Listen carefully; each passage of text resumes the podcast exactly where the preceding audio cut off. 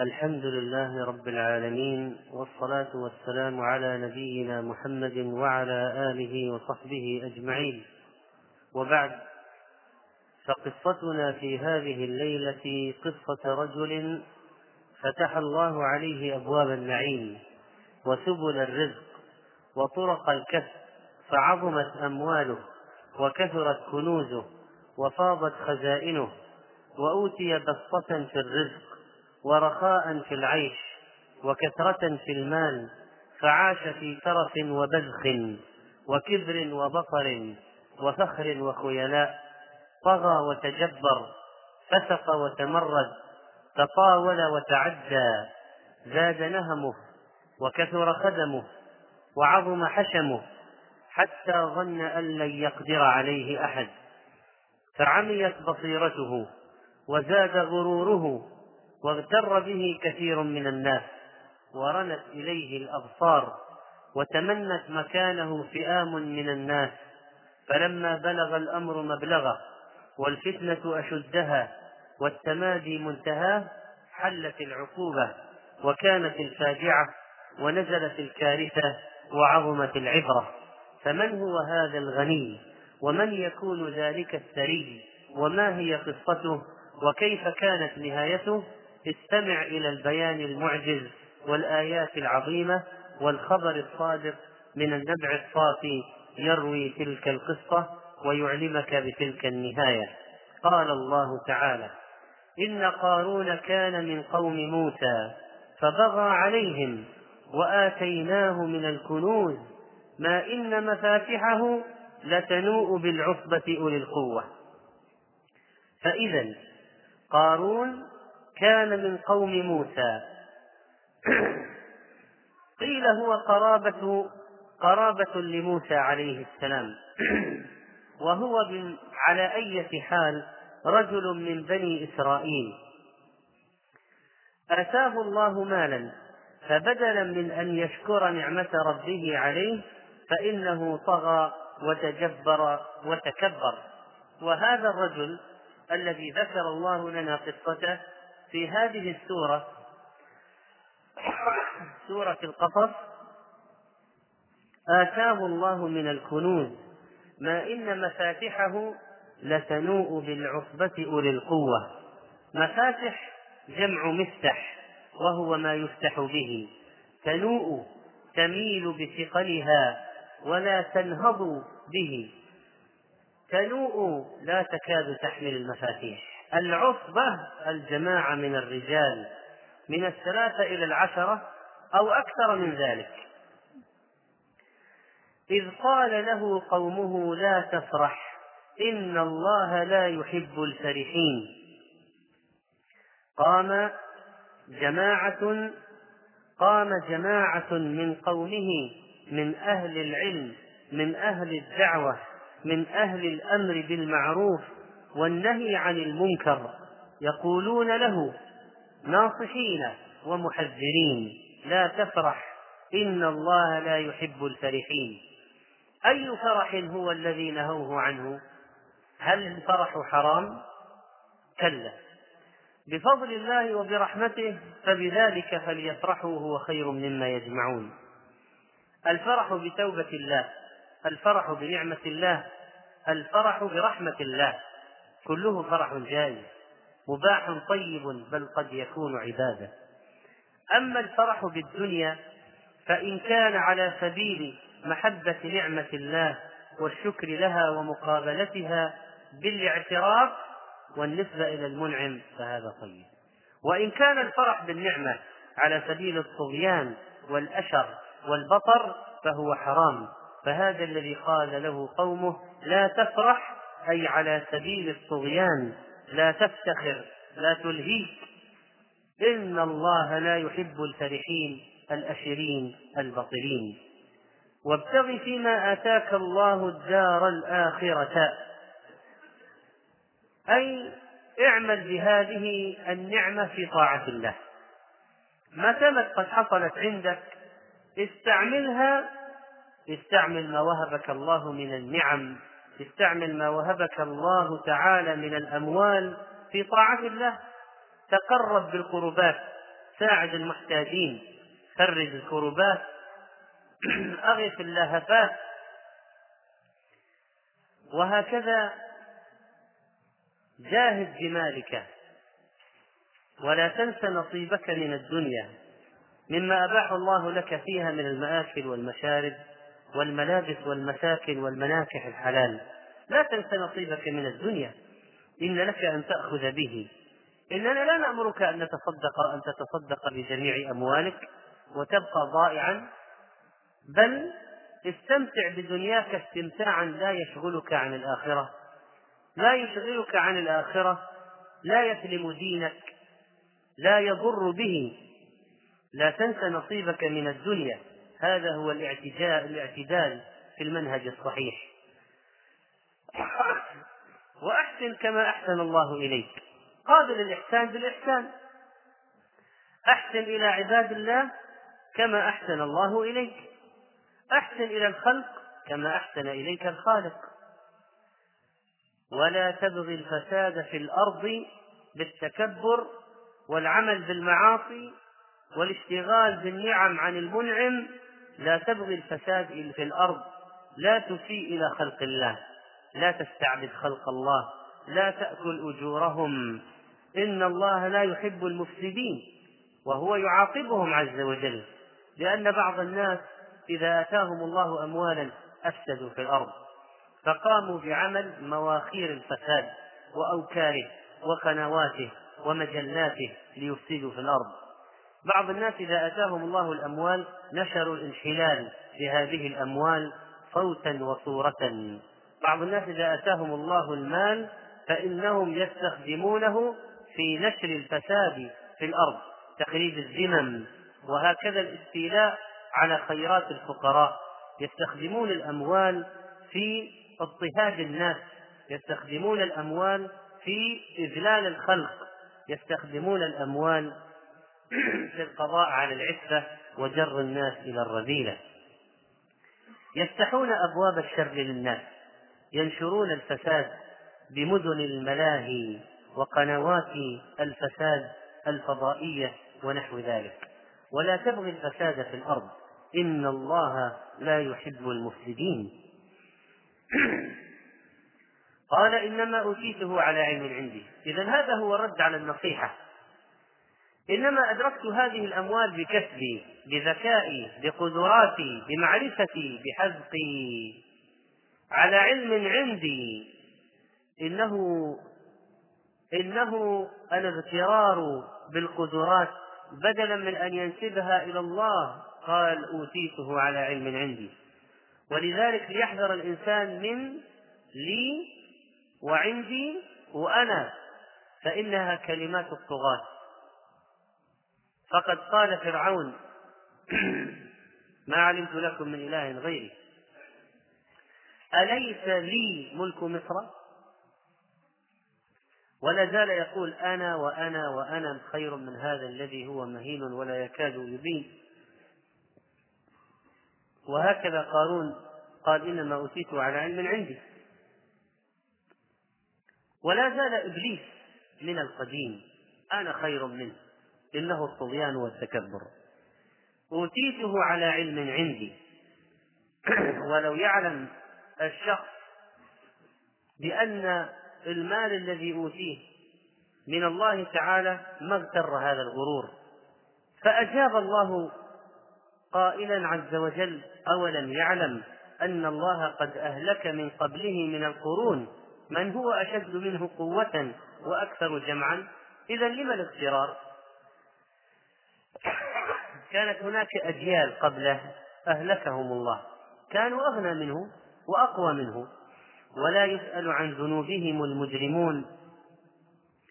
بل يعاقبهم الله سبحانه وتعالى ويعذبهم. وهؤلاء وإن فعلوا ما فعلوا وأعجبتهم أنفسهم وغرتهم أموالهم فإن الله يوم القيامة سيجازيهم عليها. لقد بلغ هذا الرجل في أوج طغيانه مبلغا عظيما أنه خرج يوما على قومه في زينته في أرفع ما يكون من أحوال الدنيا محاطا متجملا لابسا متزينا جمعت له زينة الدنيا ملأت بزته القلوب واختلفت زينته النفوس وخرج على قومه في زينته. مراكب ملابس خدم حشم مغترا معتزا بها. فانقسم الناس فيه الناظرون إلى قسمين. فقال فريق الذين لا يرون أبعد من أنوفهم. قال الذين يريدون الحياة الدنيا وتعلقت إرادتهم بها وصارت منتهى رغبتهم يا ليت لنا مثل ما أوتي قارون. إنه لذو حظ عظيم. يا ليت لنا مثل ما أوتي من زهرة الحياة الدنيا. وصدقوا إنه لذو حظ عظيم لكن لو لم تكن هناك آخرة. أما مع وجود الآخرة فإن النعيم هذا الدنيوي لا شيء. لو أن الدنيا تساوي عند الله جناح بعوضة ما سقى منها كافرا شربة ماء. ولذلك فإن القسم الثاني من الناس لم يغتروا.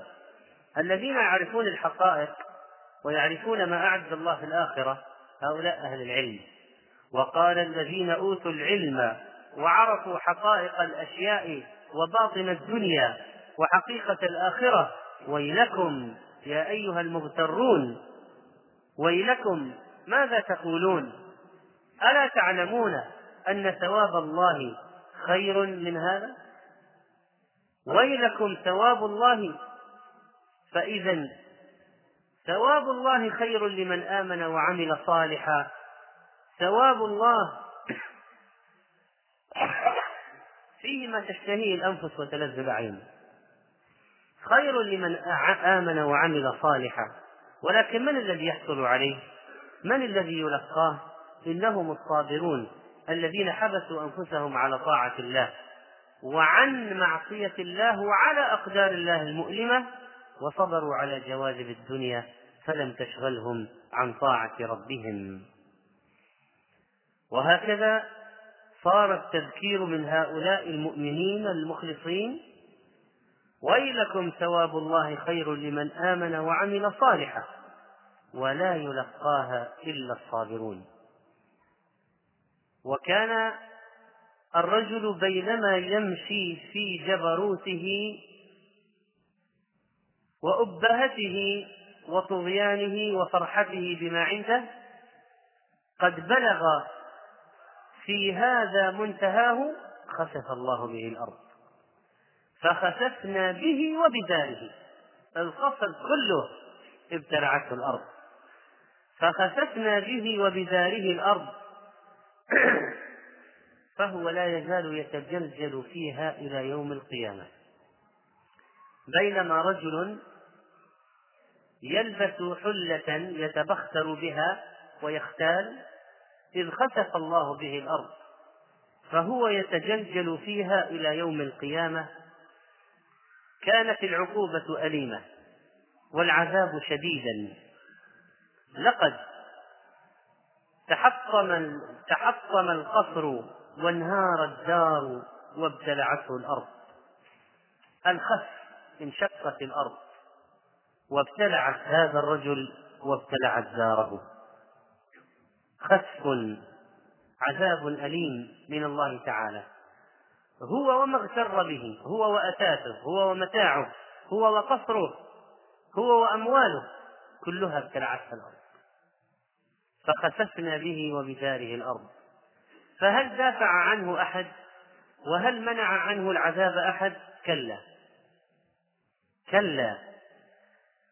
وإنما أصبح عبرة للمعتذرين فما كان له من فئة ولا جماعة ولا عصبة ولا جنود ينصرونه من دون الله وما كان من المنتصرين. وأصبح الذين تمنوا مكانه بالأمس يقولون وي يا عجبي. وي كأن الله يبسط الرزق لمن يشاء من عباده ويقدر. وي حرف تندم تندم. وي كلمة تعجب. وي كلمة تنبه على الخطأ. لقد تنبهوا إلى خطئهم. وأنا مغتر بقارون. وماذا لدى قارون؟ وي وي كأن الله يبسط الرزق لمن يشاء من عباده ويقدر. لولا أن من الله علينا لخسف بنا. هو يضيق على عباده إذا شاء ويوسع على من شاء. لو أنه عاقبنا على ما قلنا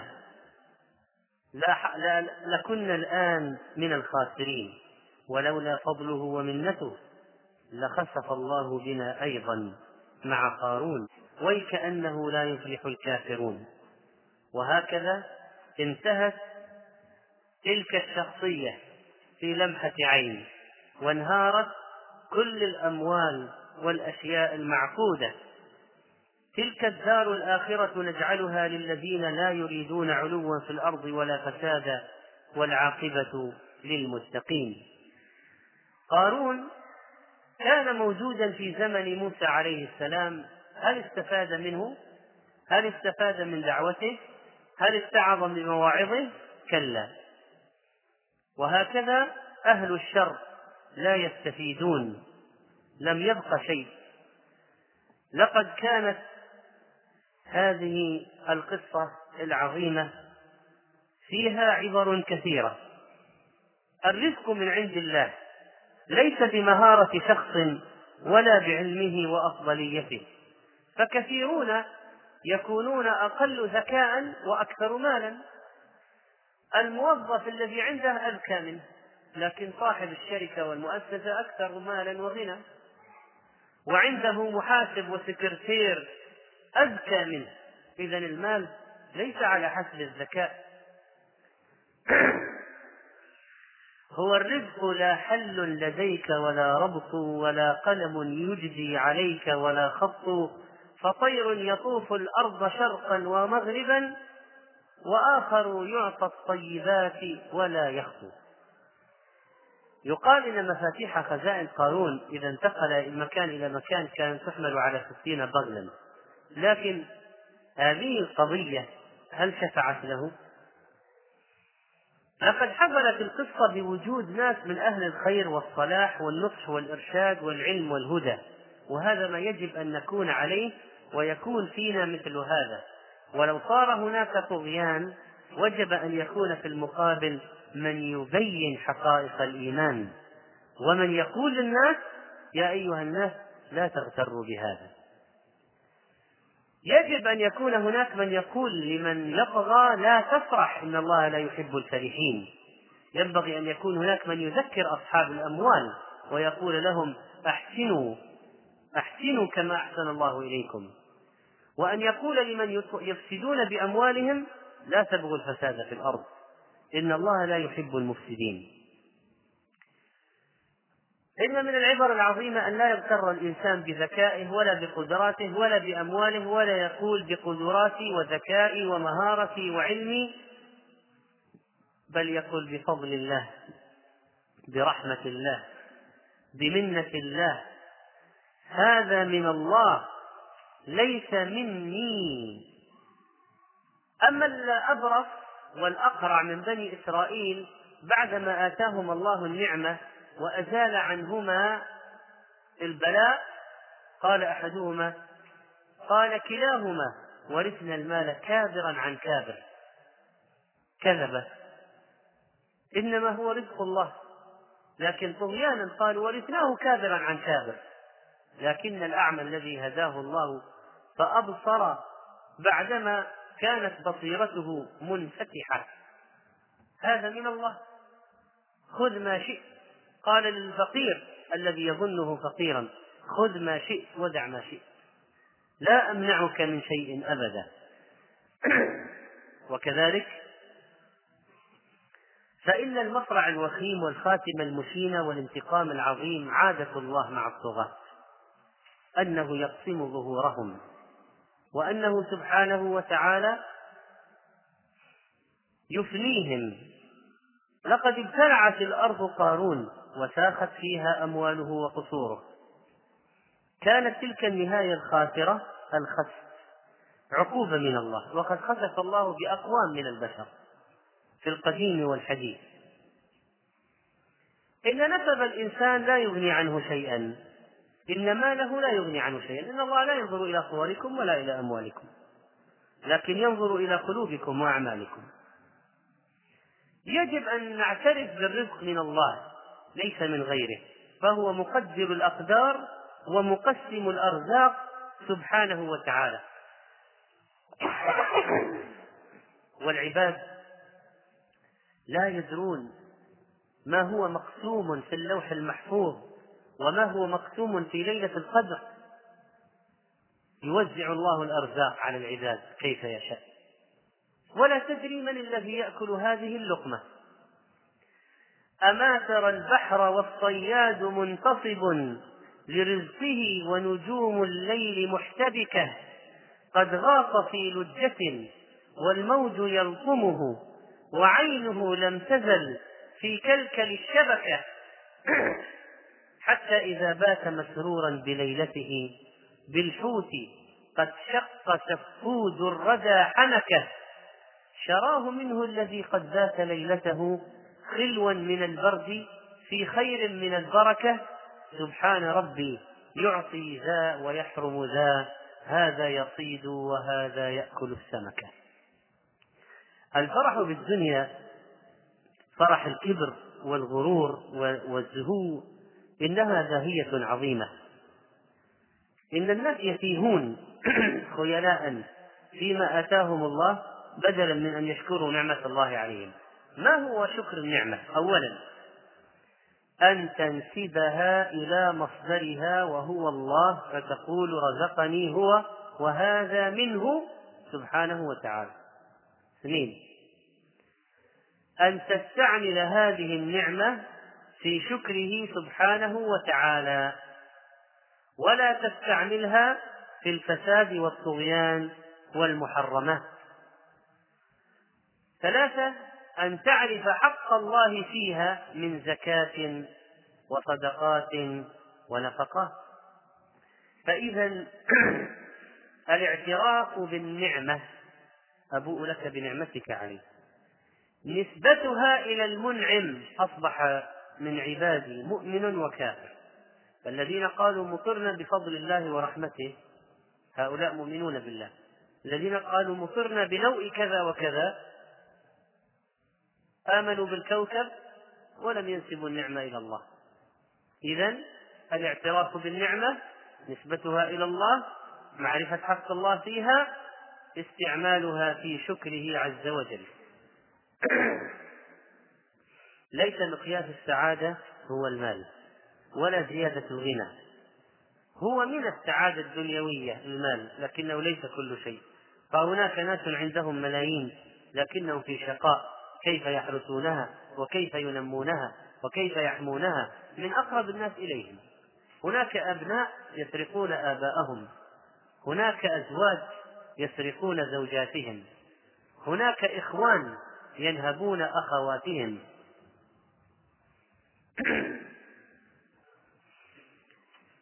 ومن الدروس العظيمة في هذه القصة فضل العلم وأهل العلم فإنهم الذين يرون في الليل الحالك. وفي الظلمات ويميزون الأمور ولا يغترون بالظواهر ويعلمون الحقائق. إن رسوخهم في العلم يجعلهم يقولون بالحقيقة والنظرة الصحيحة. ويلكم ثواب الله خير لمن آمن وعمل صالحا ولا يلقاها إلا الصابرون. كثير من الناس اهتموا بأجسادهم وأهملوا أرواحهم. كثير من الناس تغرهم المظهرية الجوفاء الزينة الظاهرة. يقومون الأشخاص بالنسب بالحسب بالجاه بالوظيفة بالمكانة الاجتماعية بالرصيد المادي. كم سيارة عنده؟ بيته كم غرفة؟ كم دور؟ وهكذا. وهذا لم يكن عند الله شيئا في الميزان أبدا. الله يعطي الدنيا من يحب ومن لا يحب لكنه لا يعطي الآخرة إلا من يحب. نفوس أهل الدنيا تقف مع الخيال الظاهر ويزوجون ابنتهم من يعجبون بماله وثروته وقد يكون شقاء عليها. إن حظوظ الدنيا إن حظوظ الدنيا لا تجلب السعادة بالضرورة. بل قد تجلب الشقاء. والاعتزاز بالمال يطغي الإنسان وإنما الذي يرفعه إنفاقه المال في سبيل الله. إن الذي يجمع ويكنز ولا ينفق مسكين محروم. يعيبه الناس وإنما الكريم الذي يصل خيره إلى الآخرين دائما. إنا إذا اجتمعت يوما دراهمنا ظلت إلى طرق الخيرات تستبق. لا يعرف الدرهم المضروب سرتنا لكن يمر عليها وهو منطلق. حتى يصير إلى نزل يخلده يكاد من صره إياه ينمزق. لقد رغب الإسلام في إنفاق في إنفاق الأموال. في سبيل الله في الجهاد على الفقراء في المساكين إغاثة الملهوفين تفريج الكروبات قضاء الديون. هكذا تنفق الأموال في تزويج الفقراء وهكذا تنفق الأموال في نفقات الزوجة والأبناء والآباء والأمهات وإن علوا. هكذا يوصل به الرحم وهكذا يستخرج به تستخرج به عداوة الكاشح الذي انطوى على الحقد عليك. فبالصلة المالية يصبح كما قال الله سبحانه وتعالى كأنه ولي حميد وقد خلقنا الله سبحانه وتعالى ليبلونا أينا أحسن عملا. إذا كان الذي يطغيه ماله يحشر يوم القيامة مع قارون فلينظر الإنسان رؤوس الكفر الأربعة. فإن الكافر يحشر مع فرعون وهامان وأبي بن خلف. يحشر الذي شغله ملكه مع فرعون والذي شغلته وزارته مع هامان. والذي شغلته أمواله مع قارون. فلينظر الإنسان مع من يريد أن يحشر. المرء مع من أحب.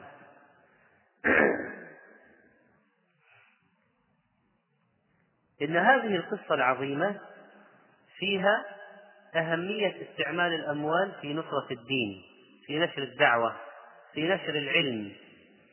ينبغي أن تستثمر هذه الأموال في محاربة الفساد ونشر الخير. وليس في نشر الفساد كما يفعل الكثيرون. فساد وبغي وطغيان في الأرض. إن هذا الفساد اليوم في العالم تقف وراءه أرصدة هائلة من الأموال ووراءه من أعداء الله من اليهود وغيرهم من الذين لهم مصلحة في إطلاق الشهوات ونشر الفساد في الأرض. وهكذا ينبغي أن يتعلم المسلم درسا عظيما من هذه القصة كيف يمنع نشر الطغيان أو الفساد بماله؟ وليتأمل هؤلاء الذين لا يهمهم إلا الكسب عندما جعلوا أسواقهم مراتع للفساد وجعلوا هناك ألعابا وملاهي حافلة بالاختلاط والأمور المحرمة. إن قضية جمع المال من أي طريق كان بغض النظر عن حكم الشرع في ذلك هو منهج الكفار. لكن المسلم يحرص على الحلال من أين اكتسبه وفيما أنفقه. بعض الناس يظن أن الله إذا أعطاه مالا فإنه يحبه وهذا غلط. وبعضهم يظن أن الله إذا منعه فإنه يكرهه ويهينه وهذا غلط. فأما الإنسان إذا ما ابتلاه ربه فأكرمه ونعمه فيقول ربي أكرمن وأما إذا ما ابتلاه فقدر عليه رزقه فيقول ربي أهانا؟ كلا. ليس هذا بصحيح أبدا. إنما أموالكم وأولادكم فتنة والله عنده أجر عظيم. والفتنة ما يوقع في الشح والبخل. إن المؤمن ناصح أمين. وقد تعلمنا من هذه القصة دور هؤلاء المؤمنين الصالحين دور الدعاة العاملين دور هؤلاء المنكرين للمنكر هؤلاء الذين إذا اغتر الناس وعموا أبصروا هم فنصحوهم. ينبغي على الإنسان أن يكون ذا نظر ثاقب. ولا تمدن عينيك إلى ما متعنا به أزواجا منهم زهرة الحياة الدنيا لنفتنهم فيه. ورزق ربك خير وأبقى. لا تنظر إلى هذا الحد من الظاهر وإنما انظر لما بعد ذلك. ولذلك كان هناك عبارتان متقابلتان في القصة. يا ليت لنا مثل ما أوتي قارون ويلكم ثواب الله خير. يا ليت لنا مثل ما أوتي قارون إنه لذو حظ عظيم ثواب الله خير لمن آمن وعمل صالحا. هذا هو الميزان الحقيقي وينبغي أن لا تغرنا الدنيا بزخارفها. إن أهل العلم لا ينظرون إلى زينة الدنيا أبدا على أنها هي المستقر. وأنها هي النهاية. إن هناك ما بعدها مما هو أعظم منها بكثير. وينبغي أن نكون رجاعين إلى الحق. إن هؤلاء الذين اغتروا لما خسف الله بقارون الأرض رجعوا إلى أنفسهم. قالوا وي كأن الله يبسط الرزق لمن يشاء من عباده ويقدر لولا أن من الله علينا لخسف بنا. وي إذا ينبغي الرجوع ومعرفة الحقيقة. وأخيرا فإن الميزان كما قال الله في العاقبة العاقبة لمن؟ العاقبة للمتقين. فالذي ينتصر في النهاية أهل الحق. نسأل الله أن يجعلنا منهم وأن يرينا الحق حقا ويرزقنا اتباعه ويرينا الباطل باطلا ويرزقنا اجتنابه. وصلى الله على نبينا محمد.